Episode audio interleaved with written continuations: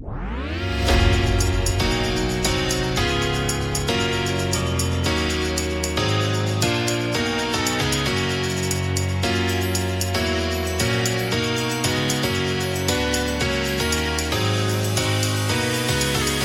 morgon, god morgon säger vi oavsett när ni lyssnar på detta. Det är podden som är tillbaka redan en vecka efter förra avsnittet. Eh, det är torsdag morgon och Sverige är utslaget ur eh, VM efter en eh, förlust mot eh, Frankrike. Som väl inte var i slutändan så mycket att eh, säga om. Eh, vet inte riktigt, vi har ju både Robin och Stocken med oss här. Vem vill ta vid? Eh, vi inleder väl med, med handbolls-VM såklart och, och Sveriges eh, sorti. Va, eh, matchen i, igår, det är eh, även, nu blir det ju väl fem mål till slut. Eh, och, eh, men det var ju ändå så att de pressade ju ändå Frankrike får man ju lov att säga fram till, det var väl tre minuter kvar. Då var det väl då började det bli helt, helt klart. Och, eh, jag vidhåller ju ändå att, att Sverige fortsätter någonstans att ta kliv även om man inte var så nära Frankrike i, i den här matchen som när man då spelade kryss i gruppspelet i OS och sen hade, var bara två mål ifrån med, i semifinalen med Lindblom Eh, på rött kort med 20 minuter kvar. Men eh, vad säger ni? Jag får bara säga några saker. Ehm, jag fick nästan känslan att Frankrike de de vaskade första halvlek på något sätt. Att de, eh, nu har ju Axnér ändå varit lite lurig så här under EM. Coachat lite, kommit, bjudit på lite så rubriker och fått beröm för sin coaching. Fick känslan av att Frankrike liksom lät första halvlek gå och så kunde de analysera Sverige då. För de kanske inte var helt hundra på vad, hur det skulle se ut. Och sen i paus så sa de att nu stänger vi igen bakåt. Och så gjorde de det och så var det liksom avgjort på fem minuter i, eller tio minuter i, i andra halvlek. Jag fick känslan att det aldrig var speciellt, även om det stod lika i paus, att det liksom man kände redan då att det här, det här kommer att bli tufft när eh, de här fransyskorna snackat ihop sig och insett att Sverige eh, inte har så mycket liksom, ja det är skyttet de inte har så mycket att komma med. Hade du samma känsla Stockenberg? Framför tvn?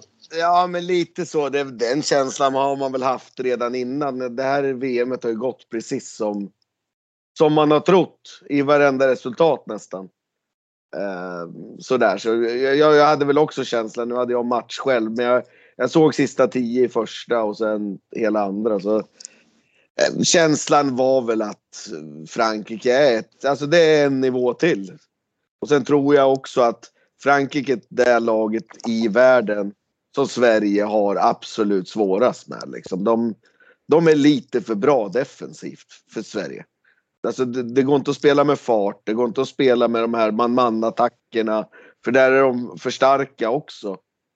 Liksom, Jamina kan inte vinna sin halva spelare hela tiden. Och orkar inte det i 60 minuter helt enkelt.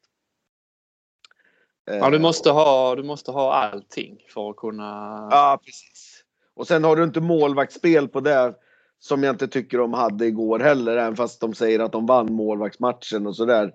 Alltså ska de slå Frankrike då måste någon av de här Ryde eller Bunsen ha 50-60 procent. Alltså så är det bara. Det är så, de är så pass mycket bättre ja, individuellt och ä, även som lag i vissa fall, liksom Frankrike. Så att vi måste ha träff på precis allt om vi ska kunna slå dem. Ja, de behöver knappt en bra målvakt Frankrike. Det var liksom inte... Jag vet inte hur många räddningar hon hade Flink. Har du koll på det? Eh, fem tror jag. Så Sverige hade dubbelt så många räddningar. Rydde ja. hade tio. Ja, och det ja. kändes liksom inte som att vi... Vi då säger men... Eh, de, ja, fem räddningar, ja. Vad hände med resten av anfallen liksom? Jag fattar inte. Ja, det, det, det är att de spelar liksom så pass... de spelar ju så pass bra försvarsspel att vi kommer ju i hälften av anfallen inte ens till avslut. Nej. Eh, så som Emma Lindqvist blev ju helt nerplockad igår. Då, då, eh, jag kände bara då, då, då helt plötsligt igen så såg det som det kunde göra lite grann i OS tyckte jag så oerhört svårt med högerhänt högernia. Eh, ja, de, de verkligen liksom stänger ner där. Sen har ju Lindqvist varit fantastisk innan i VM men eh, Men han erkände ja, väl där i intervjun att han skulle ha spelat med Dano mer.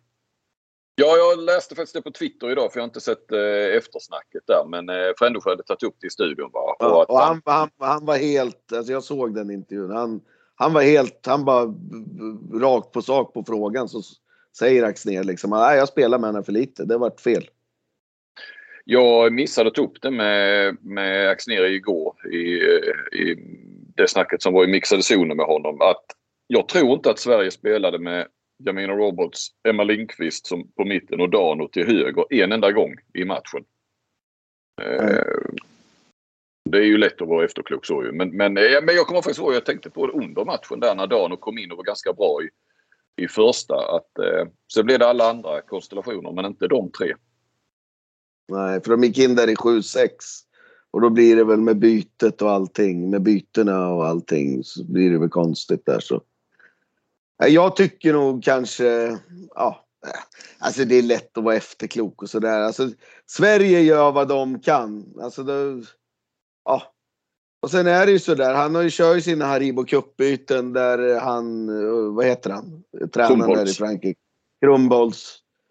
Alltså de har alltid krutet torrt när det kommer till såna här ja, avgörande matcher och medaljmatcher och sådär. De, de är mycket fräschare. Sverige har fått gått för tufft mm. eh, på sina nyckelspelare.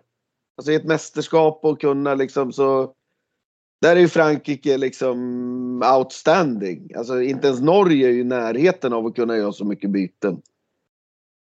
Um, Nej, jag, jag tar med Jag tror inte det hade nog spelat någon större roll. Nej. Sådana små, nej, äh, små eh, nej. byta hit och dit. Nej. Men jag tror inte att... Äh, jag tror ändå att i förlängningen här framöver om nu Sverige vill ta det där klivet som vi ska komma tillbaka till upp och, och, och, och kunna slå då Frankrike eller Ryssland eller Norge i en... Ja, kanske man, kanske man har kunnat ta Ryssland i den här eh, i det här mästerskapet men, men eh, de kommer nog tillbaka rätt duktigt Ryssland. Eh, och kunna ta dem i en eh, kvart eller semifinal och, och, nå hela vägen fram till en final. Så, så tror jag man ändå behöver en lite större, större bredd. Eh, de är ju ganska så. Det här var ändå sjunde matchen och visst Sverige har haft några lätta matcher men det har ju också handlat om att jaga mål så de har ju kört rätt hårt där ju. Eh, som mot, mot Kazakstan.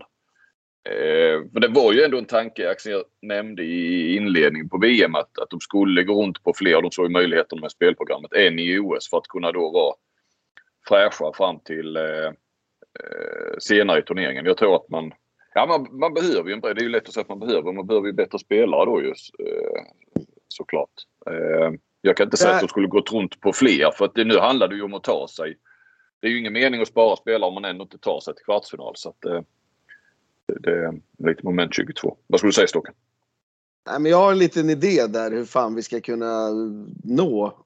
Alltså lite, mm. alltså få lite bättre spelare. Jag, jag tycker att man ska göra lite likt Norge, alltså att man kan, de valde ut högernior och så ja, skulle de få fram högernior på ett visst antal år. Jag tycker man nu ska sätta sig ner på Svenska handbollsförbundets kammare och Eh, tar, vilka sex nu liksom från födda 99 till 05? Vilka sex, eller 98 till 05 eller vad fan man nu kan säga. Vilka sex spelare tror vi mest på? Och så lägga pengar på dem. Att de får rätt med fysiken, med skottträning, med... Alltså... Ja. Investera i det. Och så mm. ha fem, sex man verkligen tror på. Kanske hon Tolefsdotter och Dan och Kopang. Eh, Tyrax ner. Ja, Tyrax ner. Med hon Mobongo eller vad hon heter. Mm. Mbongo eller. Alltså lägga allt krut på dem. Att vi ska få fram en, två av dem som kommer hålla i Amina-klass inom ett par år. Liksom. Mm. Eh, ja, i OS om två år. Jag har en alltså, fråga där. Jag har alltid undrat det just, du säger Norge där och eh, Frankrike på här sidan har jag haft mm. massa högernior. Men hur, alltså i praktiken, hur skulle det gå till? Ja, vi bestämmer oss för de här vill vi satsa på. Eller den här positionen vill vi satsa på. Där ska vi lägga pengar. Liksom, hur skulle det se ut i praktiken? Spelarna är iväg på i sina klubbar och tränar där eller hur, alltså, hur, hur, hur skulle det se ut? Hur, hur funkar sånt? Finns alltså, svar. nu, nu var ju Stocken inte inne på en viss position utan egentligen plockade Nej. de sex första talangerna. Eh, och där tror jag ändå man kan se att man får en stöttning och jag tror att det kan handla om sådana saker som eh, alltså ska, skadeförebyggande rehab. Eh, eh, fasen vad sånt eh, är viktigare än man tror också. Alltså att de håller sig skadefria också. Eh, sådana bitar och ja men hela det, allt det här runt, runt omkring också. Så, eh, men jag, jag förstår ju ja, riktigt hur de gjorde i Norge mer än eh, där. Det är väl det tydligaste och mest lyckade exemplet. Eh, på, på eh, där man väldigt så pekar ut en position och sen eh, eh, ja, jag vet inte riktigt hur de gjorde mer än att de gjorde någonting i varje fall. Ja, För man hör ofta så att vi har, vi har lagt mycket krut på att vi ska få fram höger. Nej, han, ja, de har Nej, men uppenbarligen lyckats men man vet liksom inte hur har det gått till i praktiken verkligen. Nej, men alltså det, det är väl att de där headhuntar de dem från de var liksom 17, 15, 14, 15, 16, 17 år liksom. Och sen fick de vara med, även fast de inte kanske var tillräckligt bra just då, fick de vara med på stora landslagssamlingar och åka med på mästerskap och, och sådär liksom. Sen att de inte var några, alltså stjärnor då. Men de liksom precis och sen hade kost och de hade det här med jag tror de hade skottträningar och, och sådär liksom. Där, de, där förbundet gick, gick in och stöttade dem i allt det där. Eh, Jag kan ju säga att eh, alltså Axner, eh, jag tror att den artikeln, om den, eh, när ni lyssnar på den hoppas jag den är ute. Eh, där Axner pratar på egentligen nästan exakt, ja, ja som du pratar om Stocken. In, inte så att, att det blir en, en ja, indirekt blir det en förbundssatsning för han menar det här ligalandslaget och så. Men han är helt inne på att det som behövs nu det är en, eh, att det här laget, han menar att kollektivet så att de har kommit väldigt, väldigt långt som som lag och, och spelet och sådär. Och nu behövs det några spetsspelare. Eh, och då sa jag, men det är klart, du kan ju inte eh, det, det kan ju inte du ta fram som förbundskapten. Men då menar han att men vi har ju startat ligalandslaget nu och sen gäller det då att poleras, precis som jag sa, polera de diamanter som finns. Och nämnde då, men jag fick tog själv upp hans dotter för den nämnde han inte. Men det var Momungo och, och Kopang och sådär. För att Ja. det är det som det är det som behövs. Eh, sen exakt hur, hur det ska göras men, men att man... Och han sa vi måste vara rädda om dem för de är inte lika många på damsidan som på herrsidan. Där finns det massor eh, av spelare just nu eh, då, och det vet vi ju. Eh, så att det gäller att hålla dem skadefria och, och som han sa polera de diamanterna. Sen ska vi ju säga då att jag menar hans egen dotter är ju i, i Härning, eh, ikast i, i, i Danmark och det är ju lite av eh, damsidans GOG där. Alltså det, de är kanske bäst i dansk damhandboll på att eh, Förädla talanger. polera de här diamanterna. Ja. Så hon är ju i en jäkligt bra eh, omgivning såklart. Ja, men det tycker jag man ser på Emma Lindqvist också. Hon har ju, hon har ju höjt sig ett par snäpp. Mm. Eh, kontra, jag tycker även Dano ser mycket bättre ut än i OS. Alltså hon har mogna. Framförallt tycker jag som, alltså som spelare att hon har liksom mycket större lugn och ja. Så det, ja, det, det har ju hänt något ändå men ja, de är inte riktigt där än för att kunna mäta sig med de här franska och norska stjärnorna liksom. Eh, och sen tror jag ju så att Frankrike passar i Sverige extremt dåligt. Ja. Det, det tror jag är en parameter också. Liksom. Eh, De gillar inte att möta dem helt enkelt. Och det tror jag är en liten mental spärr också. Mm. Ehm, Så har vi haft Så- lite otur för är det något av de här tre stora de möter mött flest gånger, framförallt utslagsmatcher, så är det ju just Frankrike. ja, Det- det- det är ju jävla oflytt alltså. Ja. Eh, många spelarna pratade ju och även Axnér lite, kunde inte låta bli att reflektera över va, va, för de är ju ganska nöjda med sin prestation även om kanske inte gårdagens match var de inte lika nöjda med. Men totalt sett och, och de har känslan att de har närmat sig eh, världstoppen och att de kanske är topp 6. De kunde inte låta bli att reflektera lite över om de hade legat på andra sidan där. Är det... Eh, är det är det rätt att göra det eller är det, är det, vad säger ni, eller är det bittert att stå och göra det efter man utslaget?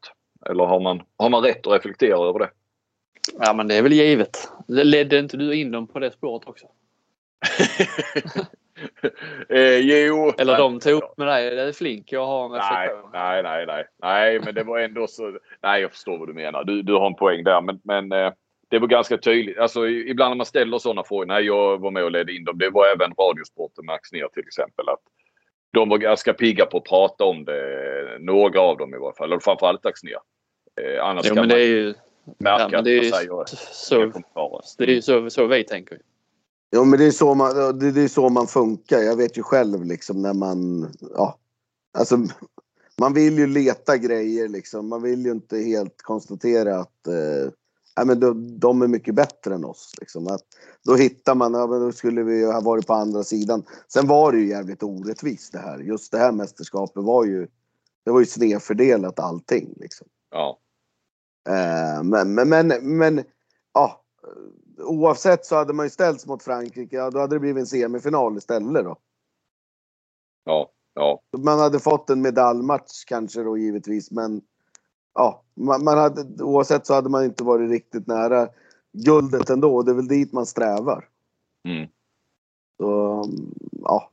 Jag förstår en naturlig reaktion men jag tycker inte jag tycker egentligen inte det är intressant. Utan det intressanta för mig är hur man ska ta, ta det här lilla klivet då för att bli ännu bättre. Men är, är vi överens med Axner om att, eh, att de är topp 6 nu? Att det är de tre stora, Ryssland, Norge, Frankrike. Eh, och sen har vi Nederländerna som, som han menar Sverige är på ungefär samma nivå. Och så Danmark då som, som känns som att de har tagit kliv. Vad skulle ja, du säga Robin? Ja, eller stocken först Nej, men jag, jag, jag skulle vilja säga att jag tycker Norge och Frankrike är en klass för sig. Alltså jag, mm. jag, jag vill inte, när inte Vakereva och Dimitrijev är med så är inte Ryssland alls på den nivån. Nej, det, det, det, och det såg vi ju i, igår. Det, det har du rätt. Mm. Nu kommer väl de komma tillbaka här förmodligen båda två där. Det är väl någon regering som bestämmer att de bara ska spela handboll liksom. Så... Nej men det är ju det. Så de kommer väl komma tillbaka och har ju ett spännande lag och sådär. Men eh, känslan är i Frankrike och Norge en klass för sig. Sen är Sverige med där i ett sjok på 3, 4, 5 lag. Mm. Så helt klart så har de etablerat sig i världstoppen. Så är det. Mm. Jag läste, eller jag läser eh, i vårt en TT-artikel i vårt system att eh, eh, Hassan Mustafa öppnar för att eventuellt ändra upplägget något i VM framöver. Det har väl inte så mycket med lottning och sidor att göra men det, men det här med att eh, så många eh, skattmatcher, att det har varit för mycket sånt i, VM. Men han säger TT vinklar efter kritiken handbolls-VM kan ändras. Ja, men så svarar Mustafa, det är möjligt. Vi ska utvärdera det här efter mästerskapet som vi gör med alla andra mästerskap. Men det känns inte som att det kommer att ändras någonting va? Ja, jag kan väl tänka mig ändå Svårt kanske. att de ska gå tillbaka. Ja, nej 32 lag tror jag. Det, det är ju ska otroligt mycket för att man ska gå tillbaka till någonting. Det har ju varit som 7 mot 6 spelet. Men jag kan nog tänka mig att de ändrar det så att eh, alltså själva sen formatet gör att det blir man måste väl komma ifrån de här skrattmatcherna i, i huvudrundan i, var, i varje fall. Det är väl det alla vänder sig emot nu. Eh, så mm. att man, att man eh, ja, att bara två lag i varje grupp eller vad man nu gör det eh, går vidare. Det finns ju olika möjligheter att göra det med, med större grupper som det har varit tidigare kanske. Och så. Eh, färre lag vidare på något vis. Det, även om inte damerna är lika belastade som herrarna så är det väl inga som hade protesterat om det blir någon, någon färre match för ett lag som, som går långt. Eh, man behöver inte upp i de här eh, är det nio matcherna. Det kan ju vara åtta också. Alltså ett, en mindre huvudrunda till exempel. Ja, Ja, nej, men ska vi tillbaka till det med topp 6. Där, det, det, där, där är inte liksom så många, alltså man som var topp 6, där, där är inte så många andra länder som skulle kunna trycka sig in där för, eh, för Sverige. Så att, eh, men där har de väl varit, det, det, det, ja, det ska man inte vara så nöjd med att man är topp 6 Ah, Utan det tycker, ja, det kanske jag har drivit den linjen lite under, eller jag har drivit, men, men jag har skrivit det några gånger i det här mästerskapet. Men jag tycker nog ändå att man har tagit ett kliv och att man Tidigare var det ju sådär, Spanien var ju liksom en eh, 50-50 match och visst nu är de ju i semifinal vi har inte mött dem här men ja, men det känns sådär. eh, Men visst, Jo, Rumänien vi har närmat, närmat, oss, närmat oss toppen. Det har vi gjort ju. Ehm, Men just eh, det känns inte som att det är så många lag där bakom som hotar, utmanar liksom om just topp 6-platserna. Det vet man inte. Nej, om här Tyskland nej. och, och sådana. Men det har inte varit Danmark tycker jag. Jag vet inte riktigt eh, sett de är en match. Det ska bli kul att se dem eh, här nu i semifinalen. Hur, hur, hur bra de är. Liksom. Ja, för det, det är ju lite upp till bevis här nu. Då får ju de Frankrike då ju. Eh, men nog... Eh, eh, ja, Danmark var ju bra i sitt eh, hemmamästerskap även om de förlorade bronsmatchen. Det var ju Kroatien som stack upp där. Men, men det var ju... Det var ju en, de hade ju någon extremt lyckad vecka där, eh, Kroatien.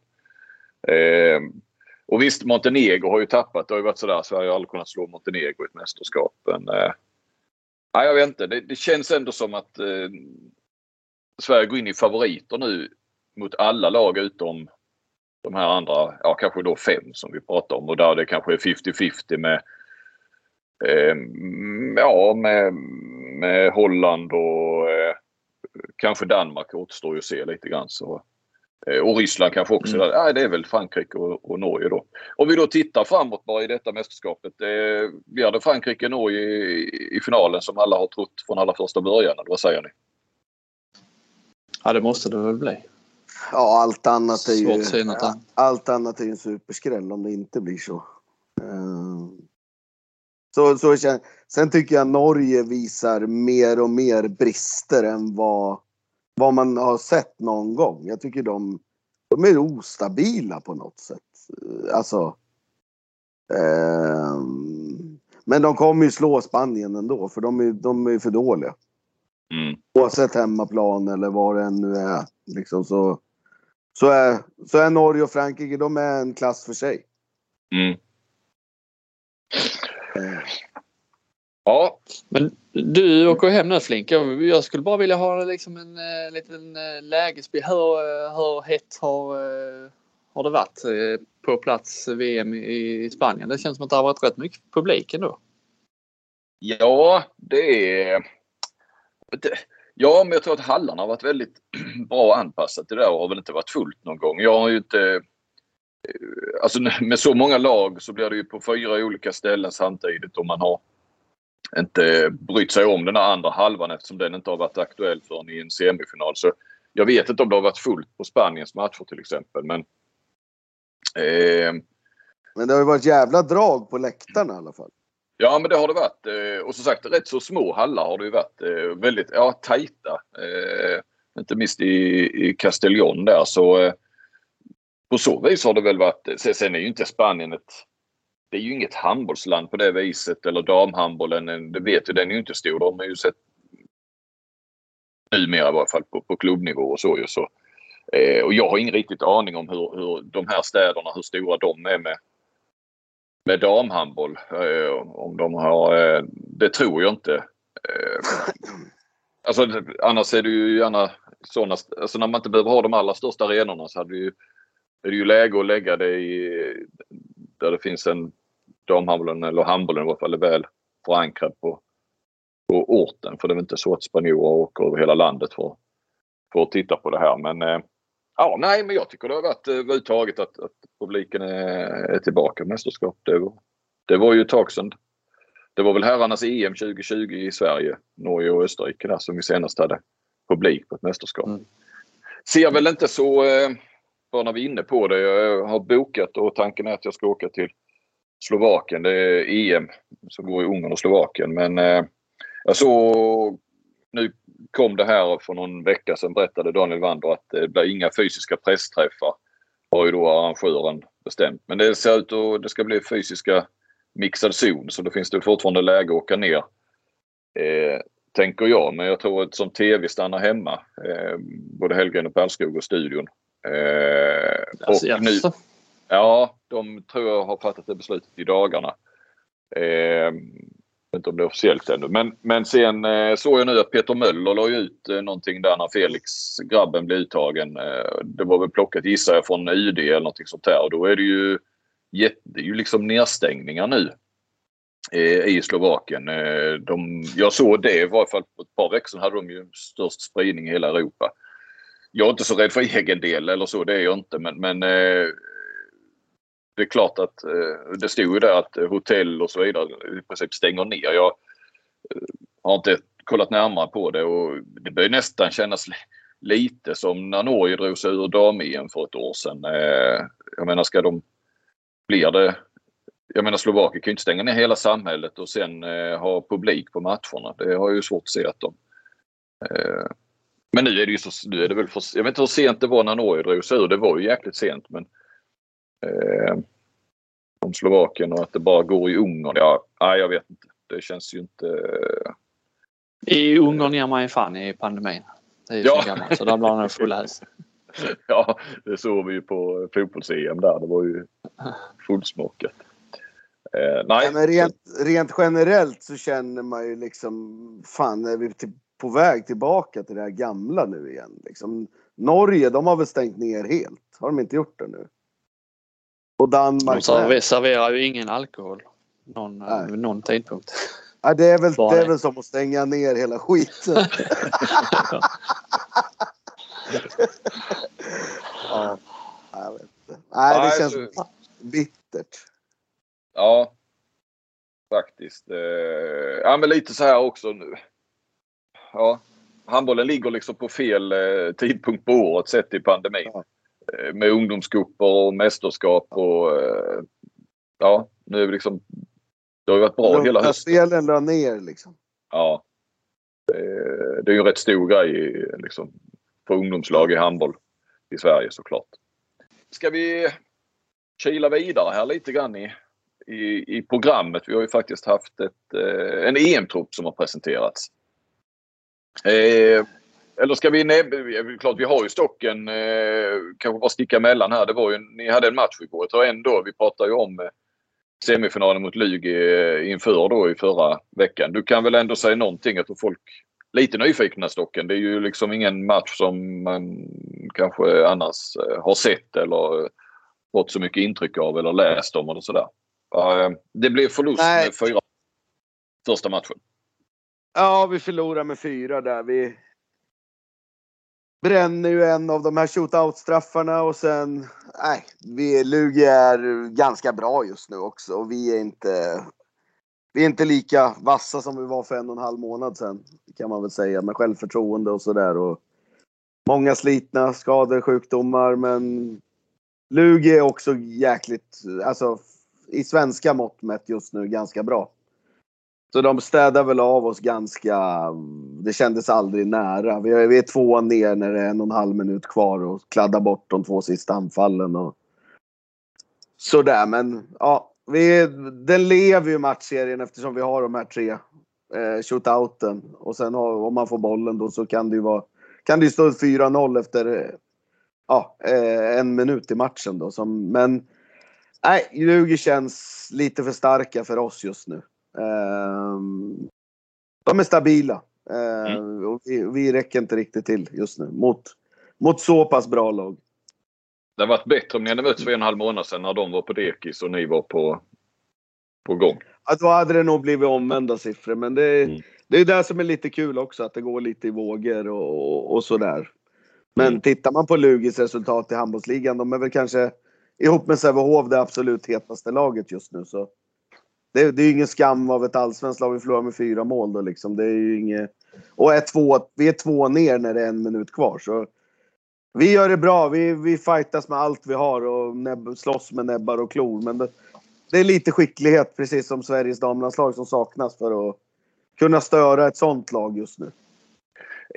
När vi är inne låter, på det. Förlåt Robin, kör. Ja men bara låter, det låter nästan som att man liksom kastar in eh, handduken och hissar vit flagg inför returen. Eh, Nej stocken. absolut inte. Men, men man får ju vara lite realistisk. Att, eh, Ja, ja, men det, tänk nu på att eh, OV förlorade med fyra mot Kristianstad i första och var eh, sekunder från att fixa shootout avgörande eh, i returen. Så att eh, och Ja. ni är väl bättre än OV och Lugi? Ja. Nej men absolut, alltså jag har inte gett upp. Men alltså jag säger ju att den lever men sannolikheten från om det kanske var 70-30 till Lugi innan så är det 90-10 nu. Alltså, men eh, nej, alltså skulle vi få lite räddningar, det hade vi inte igår. Skulle vi liksom få ännu lite mer träff. Vi, vi bränner mycket frilägen igår och när vi spelar 7-6 så åker vi dit på 5 eller 6 i öppen kasse då. Alltså är vi lite skarpa där, då får inte de de målen och sådär. Så vi...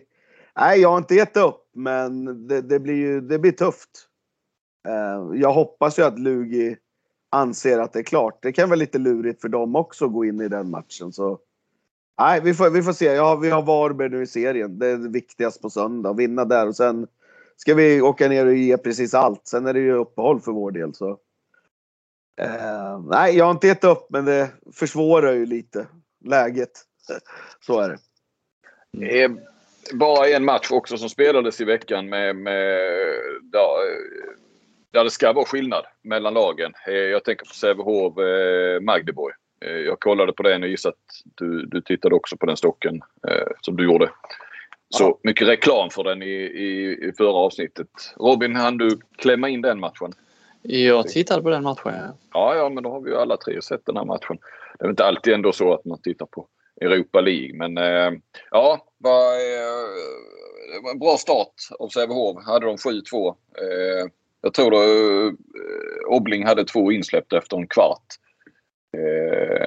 Men sen, jag missade faktiskt en 10 minuter, satt i ett samtal där i början på andra. Det var väl då de, de ryckte där Magdeborg. Men vad, vad säger ni om Sävehofs insats och matchen? Ja, jag tycker att det var... Kristianstad åkte ut mot Magdeborg i fjol i, i slutspelet där och Sävehof var ju... Eh, ja, Alingsås har ju slagit eh, Magdeborg i gruppen så att man vet ju liksom inte hur nära är Magdeborg sin topp. Å andra sidan är, ju- är ju Magdeborg eh, bättre i år än vad de har varit. Någon som har ju gått rent i Bundesliga. Liksom. Så att, eh, jag får nog säga att eh, Sävehof, eh, jag tänkte ju att de nog skulle kunna klara av att göra match av det men tyckte ändå de imponerade mer just det här i början att de eh, ändå gör Magdeborg skärrade där att de inte, ändå inte riktigt var beredda på vad som, vad som väntade. Ja, jag, min, mina, mina förväntningar eh, på matchen så det blev, det blev ungefär så i verkligheten. Att Sävehof skulle göra det bra. Eh, härlig match. Bra spel är liksom lite som Sävehof fast... Är, är... Ja, jag tyckte Sävehof imponerade. Och kan slå ut. Ja. Jag tror, alltså, de är nära, de är liksom hotar ändå Magdeborg hela vägen. Det rann ju aldrig iväg fast att eh, de kanske avgjorde matchen. Det kändes avgjort i andra halvlek där men det rinner liksom inte iväg och eh, nej, men alltså tittar man på vilken klass de håller just nu så, och de andra lagen som är med i European League så tror jag att eh, Sävehof har eh, nog potential att kunna gå rätt långt faktiskt. Sävehof kan absolut gå till ett Final Four. Eh, men, då måste, men då måste de ju komma tvåa i gruppen. Efter Magdeburg. Då finns en god Mm. chans till att ta sig till det här Final Four-spelet. Tror jag. Mm. Av av det jag har sett av alla de lagen som är med där. Ja, det blir li- lite nyckelmatch där mot Nexe när de möter dem igen. Nexe hemma kommer, jag, kommer ju förmodligen avgöra allt. Om man räknar då med att Nexe och Sävehof förlorar borta mot La Rioja som jag tror båda lagen kommer göra. Eh, så då kommer den matchen bli helt avgörande. Eh, så nej, det blir spännande. Men Magdeburg visar ju också den här, tycker jag, lilla franska klassen. Liksom. När det väl är lite körigt, ja, då, då skärper de till sig och ja, det kändes ju som att de bara sprang och bevaka. Men Sävehof gör det bra efter sina förutsättningar och, och sådär. Men det är en nivå till upp till, eh, till Magdeburg i alla fall. Så är det ju. Och det, det, ska det ju vara. Men jag, ja, jag tycker ja. också att eh, de, de eh, ja, det är ju fina, fina matcher och erfarenheter de får, eh, Sävehof. Det är ju det är ju egentligen mer lagom än att, än att vara i Champions League på ett vis ju. Sett till eh, vad det blir på planen så att säga.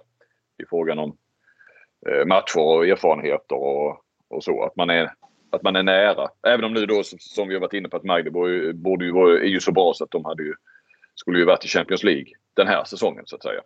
Eh, ja, Ha, eh, ska vi runda av med några ord om eh, EM-truppen då som Solberg tog ut. Jag har sett att eh, eller jag hade väl fått... Eh, jag hade hört att de skulle ta ut kanske lite fler spelare och så och köra något mer i stil med...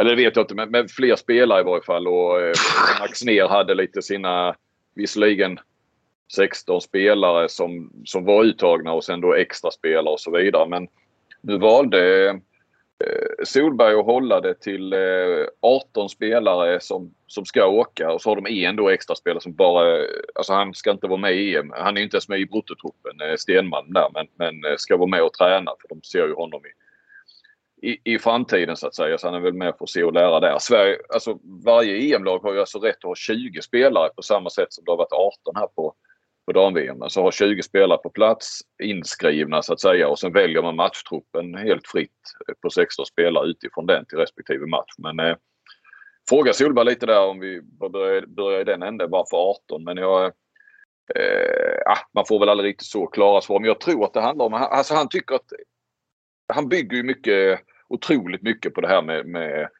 ah, det gör ju alla svenska tränare, men med gruppkänsla och hela det här och att det blir det blir jobbigt att ha 20 man för du har eh, i varje fall då kanske, ja egentligen fyra men i varje fall kanske två som, som hamnar lite längre ifrån och, och om du inte börjar gambla och skifta runt helt så, så eh, kommer det gå två som riskerar ändå att vara lite missnöjda och så. Att han vill hålla det tight. Det var väl likadant om, jag tror att de kunde varit fler även i Egypten men valde att hålla, hålla ner det och sen har han ju poäng att det är rätt så nära till Eh, Eh, till Slovakien. Eh, själv ska jag flyga till Wien bara och sen eh, ta tåg en timme till, till Bratislava. Om jag nu kommer in i landet eller hur fan det går till. Österrike var väl också nedstängt här. Men, eh, eh så, så, det är ju ganska lätt kontra Egypten är ändå lite, lite längre och lite krångligare så. Men eh, jag bara tyckte ändå det var intressant och att det bara är 18 spelare nu tyder ju också på att det inte finns några sådana osäkra spelare utifrån skador och så. Många andra, i varje fall man har ju sett stornationer sådär, Spanien och även Frankrike, de har ju tagit ut 20-21 man till, till sin uppladdning för att sen kanske skala ner det lite grann.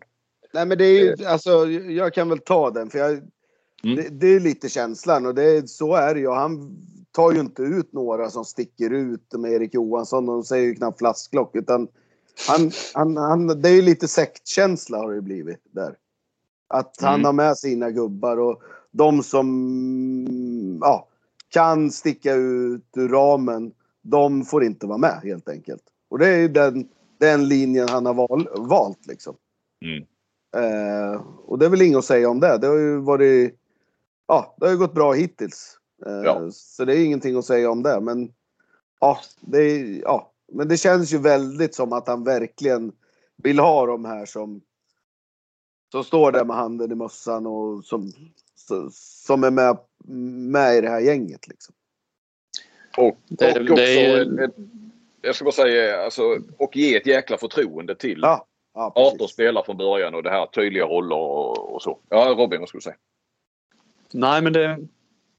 Eh, det känns, nu har vi ju framförallt på vänstern vi har det så himla gott ställt där plötsligt. Eh, jag hade tagit ut samma spelare med Wallenius och Erik Johansson också men det, nu börjar liksom nu när han, han kör så hårt på sin linje plus då att vi har rätt bra lag.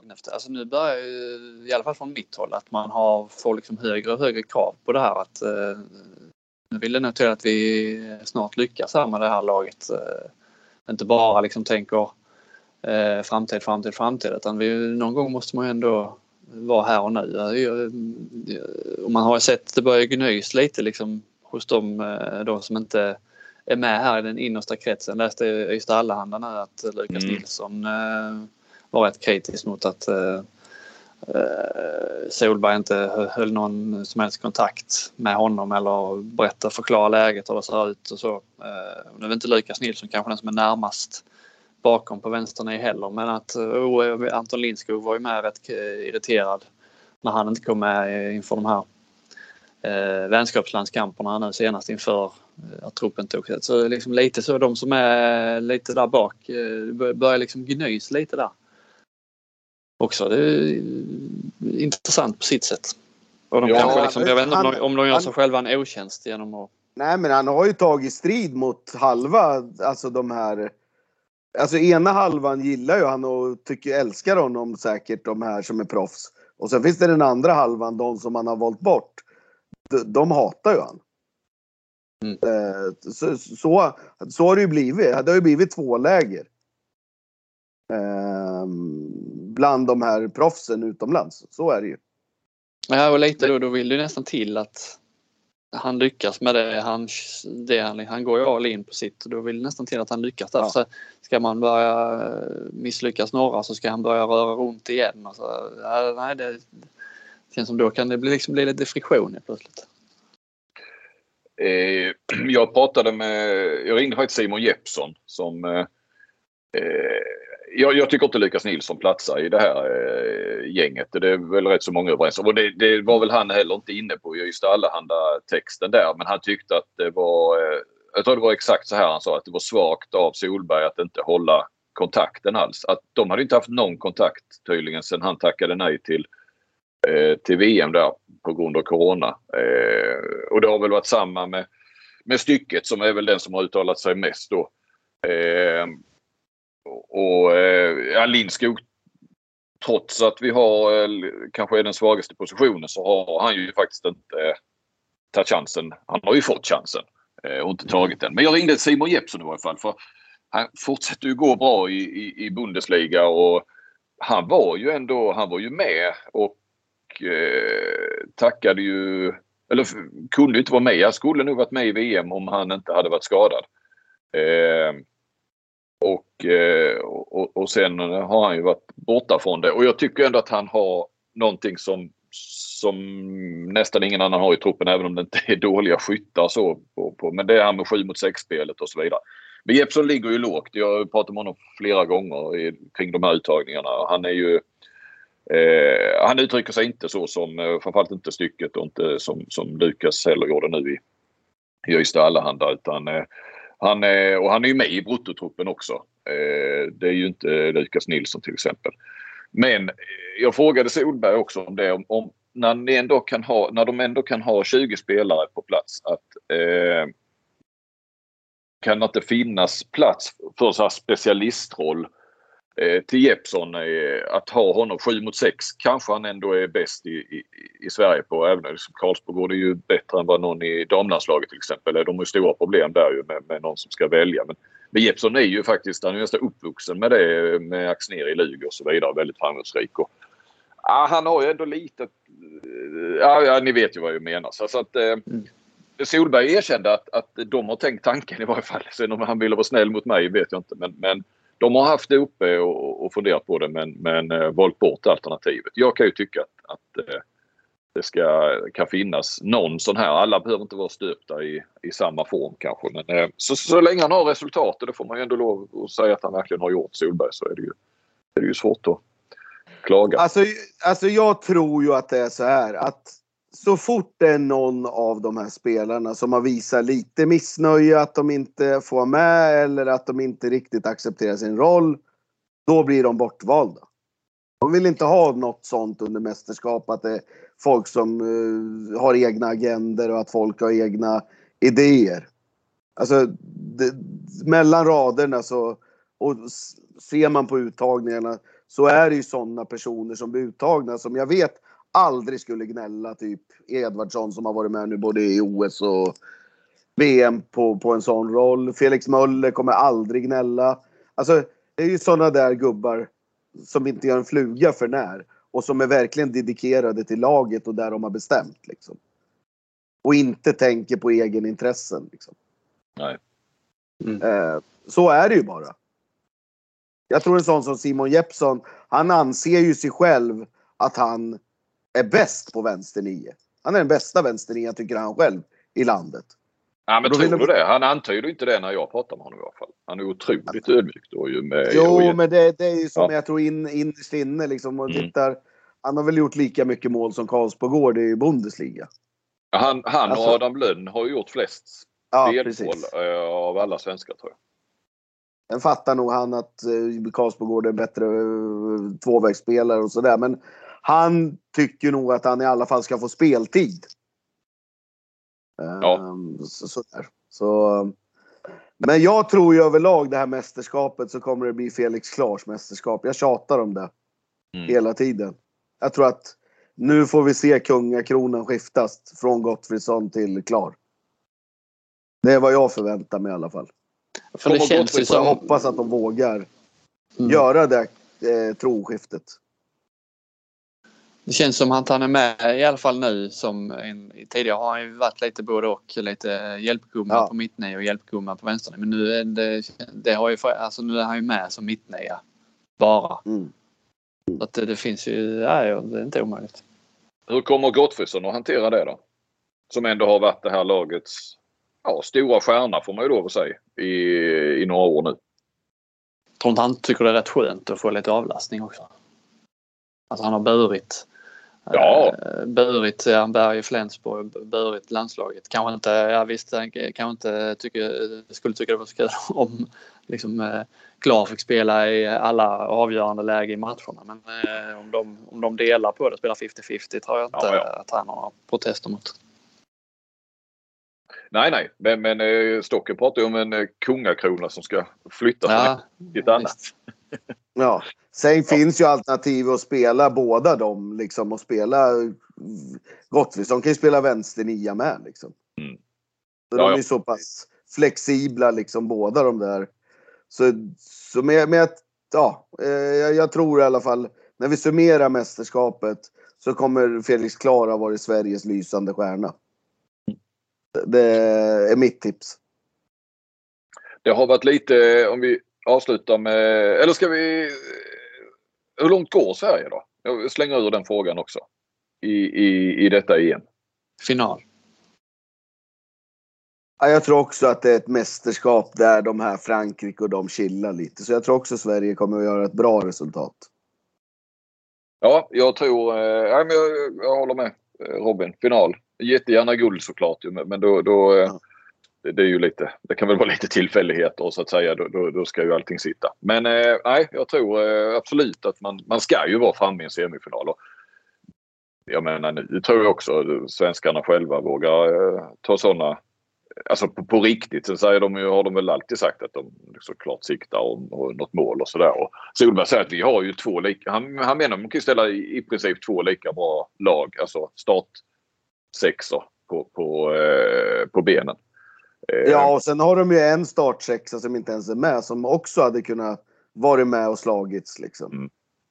Eh, Det är väl lite målvaktssidan kanske ändå. Eh, med, med, nu, nu petar ju Aggefors och det känns som att det var eh, faktiskt lite sett mot eh, framtiden. Det var väl argumentet egentligen. Eh, jag tror inte han påstår att Johannesson och Thulin är bättre än Aggefors idag. Men, men nu tittar han framåt. Det är ett hemma-VM och ett OS sen också. Det, det kan man ju förstå att eh, där behöver man ju hitta någon tronföljare till, eh, till, till Palicka och eh, Appelgren vet ju inte när och om han kommer tillbaka. Eh, Men jag menar Palickas situation nu där han inte spelar i Rhein-Neckarlöven och det gnisslas ju rätt så duktigt där nere så Mm. där känns det inte som att man, man har inte två målvakter på, på världsnivå och vi ska inte glömma att när, när Sverige gick till finalen där i, i VM så Palicka var ju oumbärlig där ju. Eh, Men, och- där, men där, är jag, där är jag ju faktiskt orolig för vi brukar ju ha en sån jävla målvakts... Eh, Tradition. det är så- ja, tradition där. Och, alltså jag ser inte alltså bland de här yngre vem fan som ska... För den här Norsten tycker jag inte har gjort det något speciellt bra. Det är ju han Lindén i Aranäs. Mm, Jag han är ju jag- fyllt 18 år ju. Ja. Ja, precis. Men, men, men, men jag tycker ju nu har den här Norsten varit med i det här ligalandslaget. Jag tycker ju Simon Möller som är i samma ålder har visat betydligt mer än vad Norsten har gjort. Tycker jag egentligen. Mm. Alltså, Simon Möller, jag tycker han är bra jämt när han står. I alla fall när jag, det jag har sett. Ja, nej, nej, jag, eh, tänk, satt mest och väntade på att Flink skulle reagera eh, på Norsten. Där. Du, du, det är vår framtida landslagsmålvakt. Ja, eh, ja, men jag tror att det är han eh, som, som eh, sen. Sen hur bra han blir och sen så, jag vill inte uttala mig, eller kan inte uttala Jag har inte sett honom så mycket i Skövde i höst som jag känner att Stocken har så därför vill jag inte gå emot. Jag kan inte bedöma hans prestationer i enskilda matcher eller eh, så.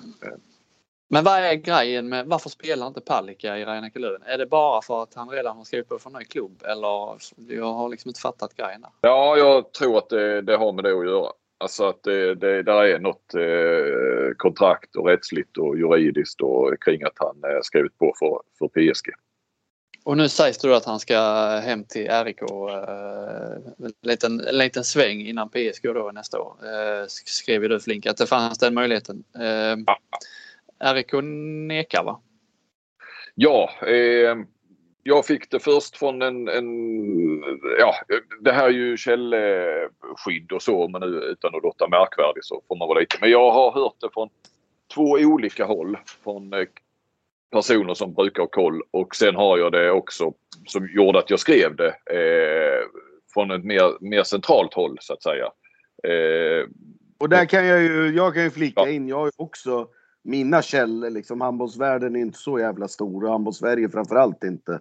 Jag har ju hört precis samma uppgifter så ja, sådär. Ja, och jag tror också eh, att vi båda, eh, ja, och det är inte bara en eh, liksom skvaller så att säga eller, och så. Nej. Det blir så. Det är ingen som har påstått att, att det blir så. Men, men att där finns en kontakt och, och så vidare. Därför blev jag förvånad när jag läste att Henrik Lundström hade uttalat sig i Göteborgs-Posten eh, som då är sportchef i RIK. Och han säger att det finns ingen sanning att han skulle vara nära att skriva på för Redbergs liv. Vi har ingen dialog med honom om det. Eh, ja, jag har ju hört någonting helt annat. Sen är det en bit att gå för att eh, jag menar eh, RIK har ju inga pengar att lösa eh, eh, Palicka. Eh, så att eh, var, det- var det landar vet vi inte men jag tyckte ändå eftersom det är på tapeten och så och det hade varit så sensationellt så därför eh, skrev jag om det. Annars... Och det, det där kan jag ju säga nu att det läget RIK ligger i, skulle den här möjligheten så finns det externa sponsorer i Göteborg och sådana som älskar RIK som skulle kunna lösa det. Det kan Ja. jag lova. Ja, Eh. ja, till och med det ja. Ja, Eh. Och det hade ju faktiskt varit, det skulle ju helst skett i, igår höll jag på säga, men, men väldigt snart så att eh, så, vad jag förstått så kommer kanske inte Palicka få spela några matcher eh, innan EM. Eh, och, och det är säkert bra för hans kropp på många sätt men, men jag tror att det har redan upp i en fem omgångar eller någonting sånt i Bundesliga där han, där han inte har fått spela så att eh, det är ju inte jättebra att gå i en och en halv månad utan att spela när man är frisk. Så, så, så vet vi att rutin och alltihop och han får tio dagar och, och, och träningslandskamp och sånt. Han har väl gått in i, i, i sådana här mästerskap och inte spelat på grund av skador tidigare så det kanske inte ska vara allt för. Men det, det hade väl inte varit dumt att fått några matcher kanske ändå. Ska vi också nämna att eh, vi kanske får två, eh, eller vi får väl två Barca, svenska Barca-spelare nästa år med Vanne och eh, Karlsborgård, eh, Flink. Det var det som skrev det att Ja, eh, han, han eh, nobbade Kiel. ja precis. Det är ju, det, ja, det är ju rätt häftigt. Det gjorde väl i och för sig Erik Johansson också eh, för något år sedan men, men det var ändå lite annan situation. Eh, Kolstad ville ju också ha Karlsborg. Jag tycker bara det är häftigt att en klubb som Barcelona faktiskt tar en spelare som Karlsborg som jag menar hur bra han än är och det vet vi ju alla så är det ju ingen det är inte den här stjärnan. Alltså det, det känns som Barca nästan har plockat så här eh, från, gärna från hela världen. Det ska vara en, en, en stjärna i Brasilien, någon från Egypten och, och, eh, och sådär. Sen har de ju alla sina- Men, men eh, att- de eh, att klubbarna ser, även klubbarna ser storheten hos eh, Karlsborgård. Eh, det vet jag inte. Det kanske hjälper till att Thomas Svensson är assisterande och så. Eh, det tycker jag är lite häftigt. Eh, att han eh, ja, att han är på, på att han ses, betraktas och vara på den nivån ändå där de, de allra, allra största eh, vill ha honom. Men där tror jag väl Thomas Svensson måste väl vara eh, fingern med i spelet. Liksom har sett han på landslagssamlingar och allting. Mm. Hans ledaregenskaper och hans liksom även X-faktor. Han har ju det liksom i helhet. Han är ju faktiskt en stjärna i helhet. Ja, Alltså- ja. Du ser allting med uppspel och även då i valspelen och det här liksom. Han är ju bra på allting nästan. Liksom. Han är ju inte dålig på någonting. Nej, nej, jag, jag, men du, du, ni är med vad jag menar. Det brukar vara Ja, annars. Alltså, jag menar, I Sverige det är det ju ju- Gottfridsson har varit den stora, Palicka och, och nu kanske det är klar liksom. Karlsborg Nej, smyger ju ändå är lite. Det är ingen Palmarsson eller Sindrich eller någon så. Han har ju inte stjärnstatus så. Ehm, Men jag, men jag tror han börjar få en stjärnstatus runt om i världen. Liksom. Mm. Ehm, Och det är häftigt. Ja, det ska bli kul att se honom eh, ta det klivet. Och tänk att det är inte mer än ett år sedan han spelade sin första landskamp. Han har aldrig spelat eh, ens en pojklandskamp eller u-landskamp eller juniorlandskamp. Från och, Hisingen i Lilla Kärra till med Ingmar Hult som bollskolelärare eller tränare till Barcelona. ja, Alltså, idrott är fantastiskt. ja, Dessutom har han Anders Eliasson som svärfar. Så han har ju liksom verkligen fått allt man kan i livet. Och, och nu kanske jag ute på hal. Men är det inte så att eh, hans svärmor är möjligtvis spanjorska? Mercedes, det vet jag inte om hon är. Men jag tror, det kan vara så.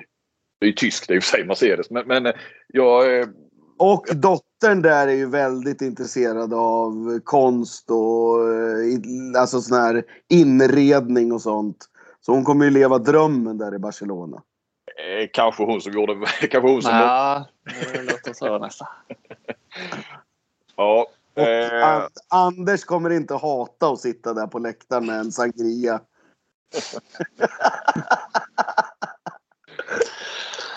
Eh, yes boys, då eh, tackar vi för, för eh, den här dagen va? ja, men det gör vi. Vi måste vidare här på olika. Jajamän, nu, nu ska ugnspankakorna ut här i Alstermo. Så nu jävlar, nu kör vi. Tack för att ni lyssnade. Så eh, på återseende. Men nu, eh, usch, nej, nu kanske det inte blir... Nu kör vi nog inte förrän det är...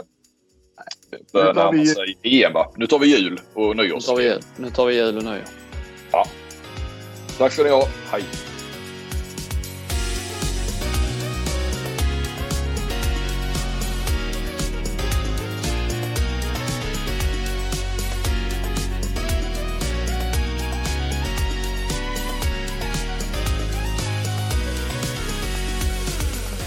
Du har lyssnat på en podcast från Aftonbladet.